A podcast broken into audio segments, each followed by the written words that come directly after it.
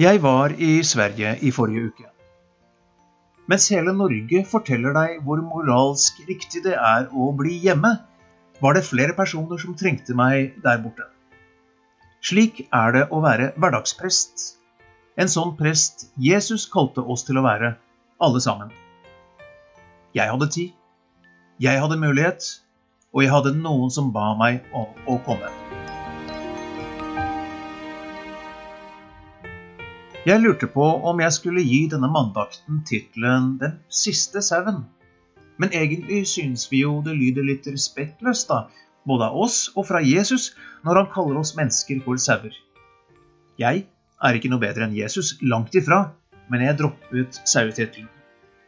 Jeg har altså vært i Sverige i uka som gikk. Jeg ble bedt om å komme. Til slutt hadde jeg møtt, bedt og samtalt med ikke én, men fire nordmenn i utlendighet. Ingen av dem turte å komme hjem til Norge. Ikke akkurat nå. Hvorfor dro jeg dit?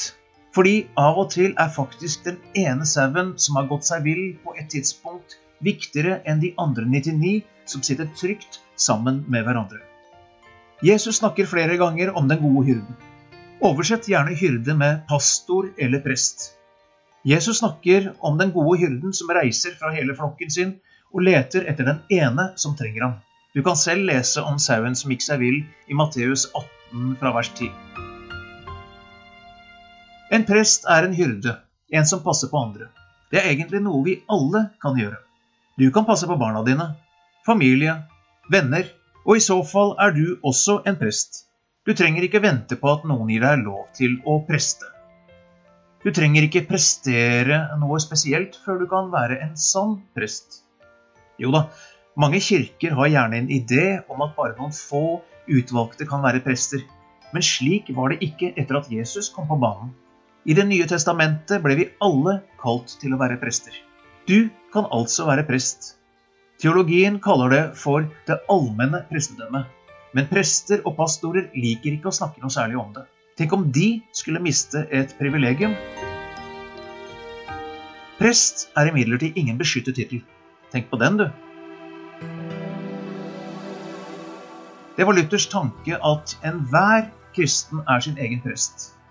Derfor kan han selv møte Gud ansikt til ansikt. Men Luther leste det bare ut fra Det nye testamentet. Peter skrev det nemlig så enkelt som dette. Men dere er en utvalgt slekt, et kongelig presteskap, et hellig folk, et folk som Gud har vunnet. Jeg har selv jobbet i misjon. Jeg har jobbet i kirken. Jeg har studert teologi, og jeg har tatt presteforberedelsen. Biskopen ville ha meg som prest. I kirkens øyne er jeg likevel ingen prest, for jeg ble ufør etter at jeg ble dødsdømt med kreft. Jeg har ennå skader nok til å begrunne uførheten, men jeg er ikke så ufør at jeg ikke kan gjøre noe. Alle kan vi gjøre noe. Så altså, hvem ble du kalt til å passe på, og se etter og preste for? Jeg passet meg selvfølgelig godt for viruset. Jeg varslet reisen på regjeringen.no. Jeg har nå karantene. Jeg har vært og testet meg. Jeg ble ikke smittet, og jeg smitter derfor ikke andre. Jeg er forsiktig, men samtidig nekter jeg å la frykten stanse meg fra å gjøre det som er riktig. Nå vet du også hva som er riktig.